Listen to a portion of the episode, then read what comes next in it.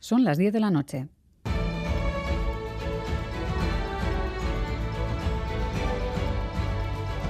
Radio Euskadi y Radio Vitoria.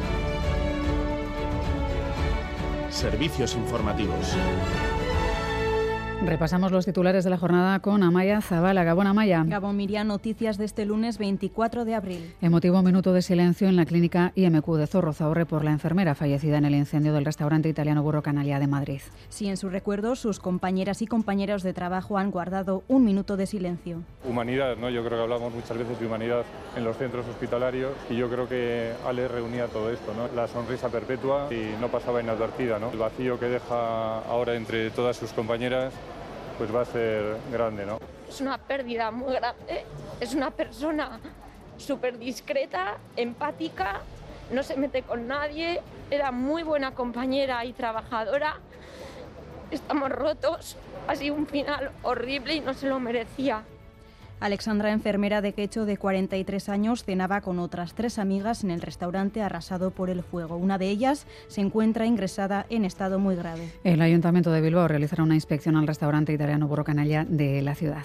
La investigación apunta a la decoración del lugar como factor clave del fatal desenlace en Madrid. En Bilbao existe un local de la misma cadena que está decorado de manera idéntica, con plantas colgando del techo y las paredes. Ahora el consistorio bilbaíno anuncia una inspección rutinaria al establecimiento y matiza que se llevará a cabo pronto. Desde el Colegio Oficial Vasco Navarro de Arquitectos nos transmitían lo difícil que es controlar la decoración de los locales. En realidad, la Administración está demasiado saturada como para poder controlar casi nada. Desde la Administración se confía en que si el documento que llega dice que cumple la norma, se acepta que el documento dice la verdad. Luego lo que no sabemos es si el promotor del, pues, de un restaurante o lo que sea, cómo acaba de decorar. Entonces ahí siempre hay un salto que yo creo que no está controlado.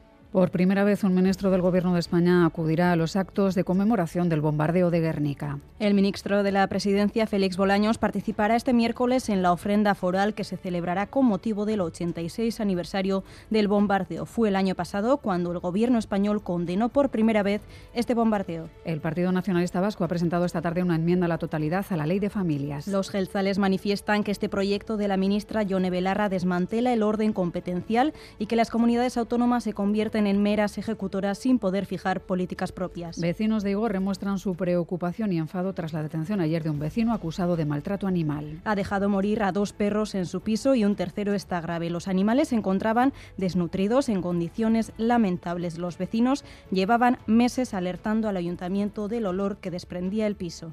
Llevaban años en unas condiciones bastante malas, no tanto como lo que se acaba de encontrar ahora, porque no nadie nos esperábamos que fuera tan gordo. Los perros han hecho todas sus necesidades en casa, el olor era insoportable. Hemos oído de todo, ladridos, aullidos de perros, peleas de perros, de todo. Sabíamos de sobra que esos perros no estaban bien.